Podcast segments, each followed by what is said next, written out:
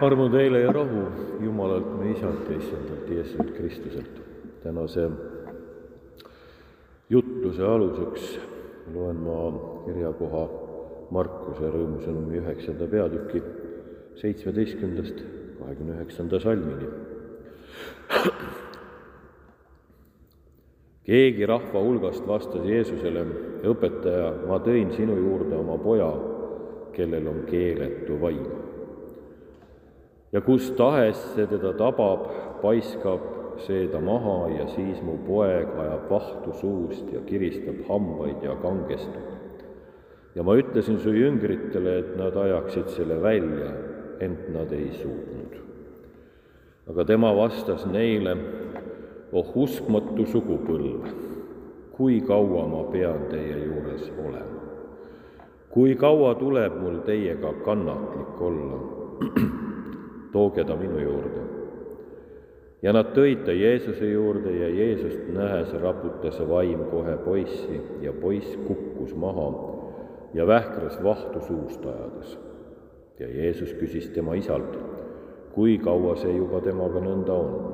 aga tema ütles lapsest saati ja see vaim on teda sageli visanud ka tulle ja vette, et teda hukata, aga kui sa midagi võid, tunne meile kaasa ja aita meid.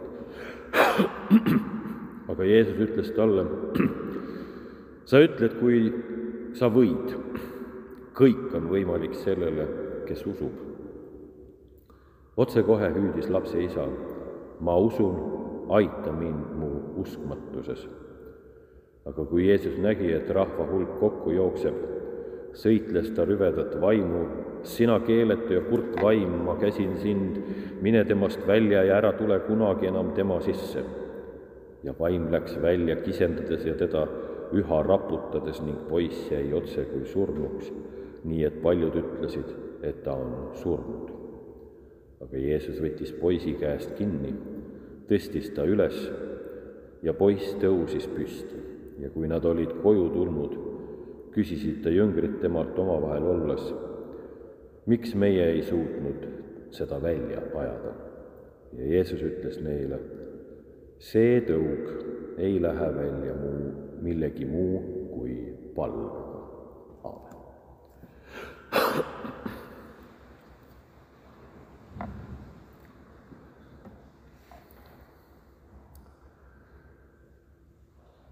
See on üks selline päris põnev lugu, mulle tundub. tegelikult võib-olla peaks siit veel pisut tahapoole selle teksti mõttes astuma. et mis eelneb sellele sündmusele. nimelt Jeesus tuleb muutmismäel, kus teda kirgastati koos Peetruse ja Sebeduse poegadega, kus nad kolm, neljakesi on olnud ja midagi imelist kogenud. ja ülejäänud jüngrid on seal mäe all olnud ja vahepeal on palju segadust tekkinud.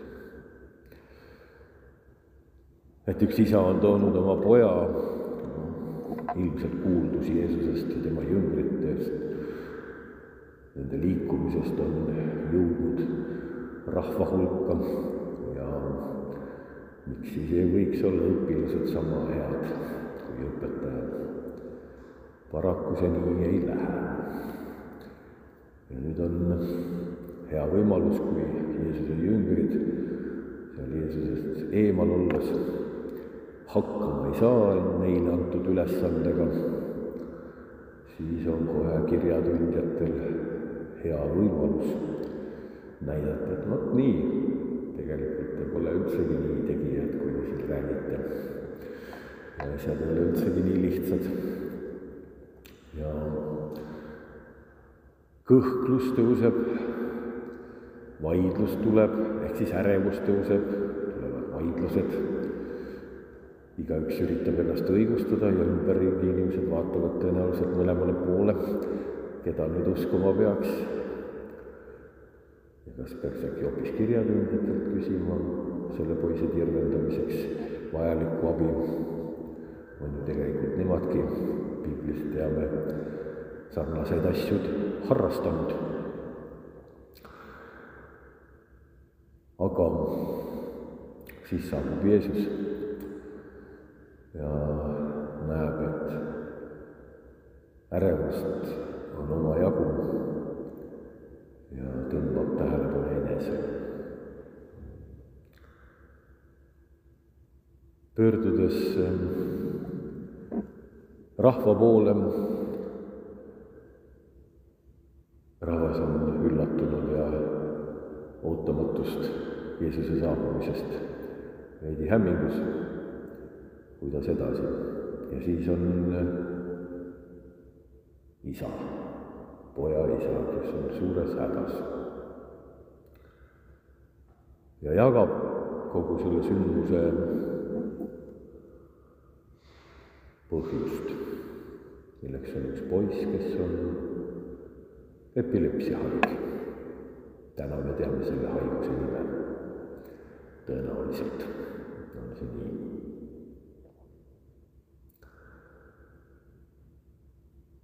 mis ähm, teeb Jeesus? ta kuulab, ohkab selle segaduse peale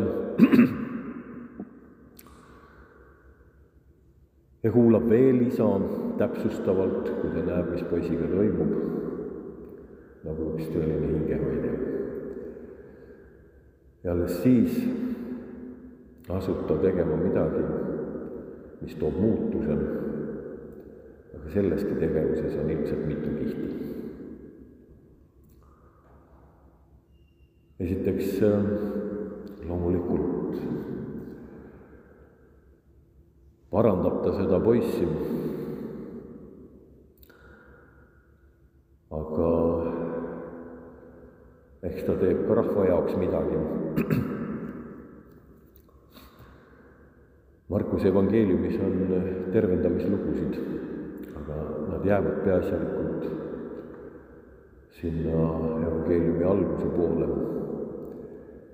hiljem Jeesus väga tervendamistega esile ei tule Markuse tekstides. tõenäoliselt, tõenäoliselt on lihtsalt vaja esialgu ka Jeesusele tähelepanu, et teda kuulatakse ja teda tõsiselt võetakse. see on üks pool.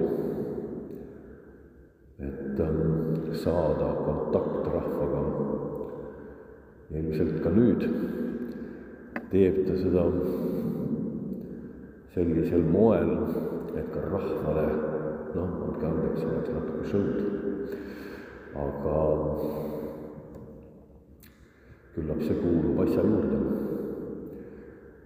Toonase rahva jaoks sellised asjad kõnetasid.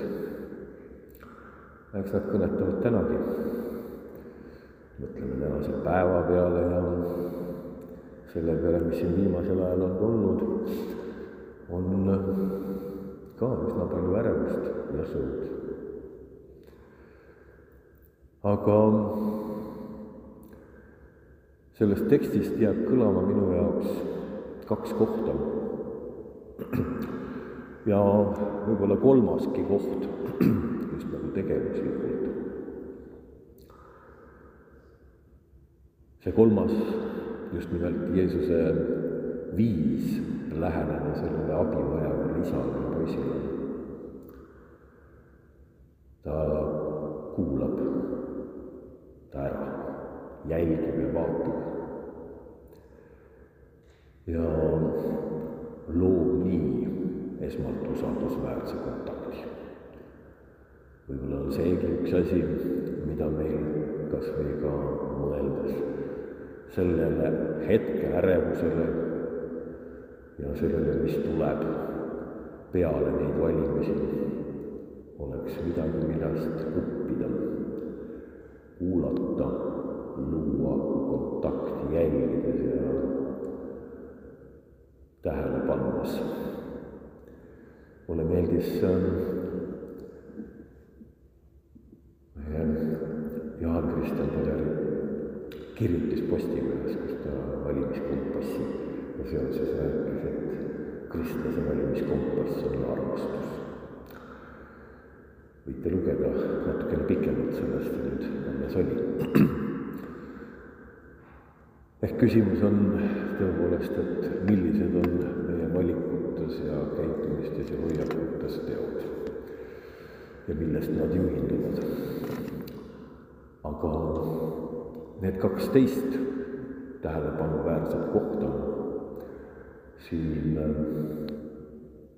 selles tekstis on esimene, kus Jeesus ütleb isale, et kõik on võimalik sellele, kes usub, rõhutades usu tähtsust. ja lõpus jüngrite küsimuse peale miks neil see kõik ei õnnestunud, viitab ta palvevajadusele. ehk see tõug ei lähe välja muuga kui palvega. ja nende mõlema viitamise juures on, eelneb veel midagi. nimelt on esimese juures Jeesuse ohe. ja Jeesuse ohe, kui kaua ma pean teie juures veel olema, et te mõistaksite. mõistaksite uskuda. sest see segadus mis just, ja see lärm, mis oli just tekkinud selle poisi ümber, selle hädas oleva poisi ja isa ümber, oli ju tegelikult usaldamatus, usk, usupuudus. seal olid kõik abitud. ja kui usupuudust on palju, siis abitus kandub ja kandub edasi. Abitu poeg, abitu isa siis abitud jüngrid, abitu rahva hulk, abitud kirjatundjad, igaüks omal moel oma abitust väljendamas, mis lõpuks tõusis üsna suureks lärmiks.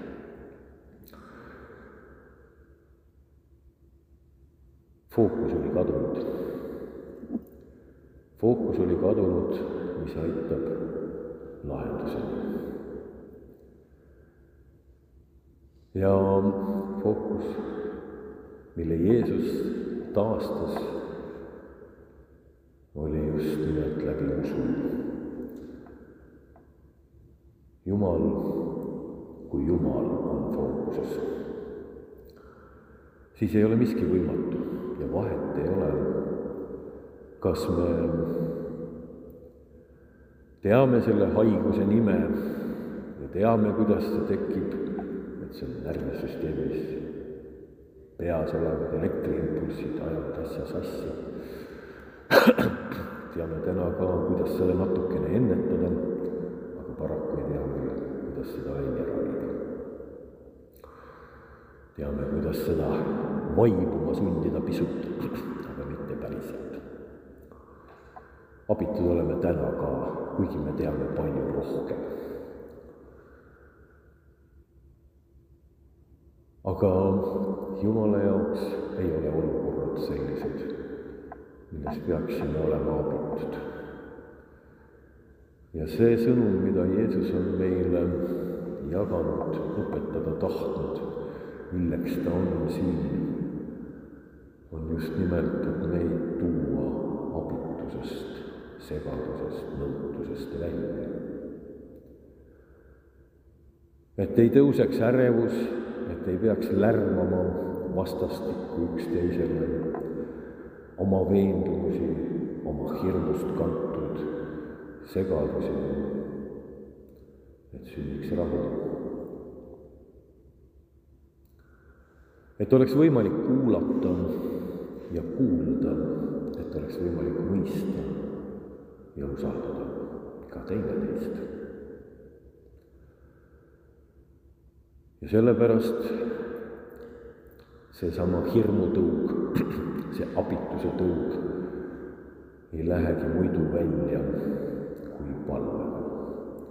Sest palve on see, mis aitab usul püsida, palve on pidev kontaktis olemine, pidev seos ja seotud olemine. Jumalaga, sellega, kellel puudub abitus, hirm, ebakindlus, kelle käest saame me lahendused, teadmised, ja samale viitavad ka tänased teised kirjakohad.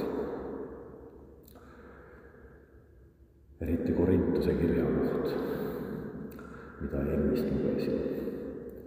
nõnda siis ma arvan, et ähm, sellisel päeval üsna kõnekas kirjakoht tänasele päevale sobib minu meelest. ja tegelikult targaks saada ei olegi väga keeruline.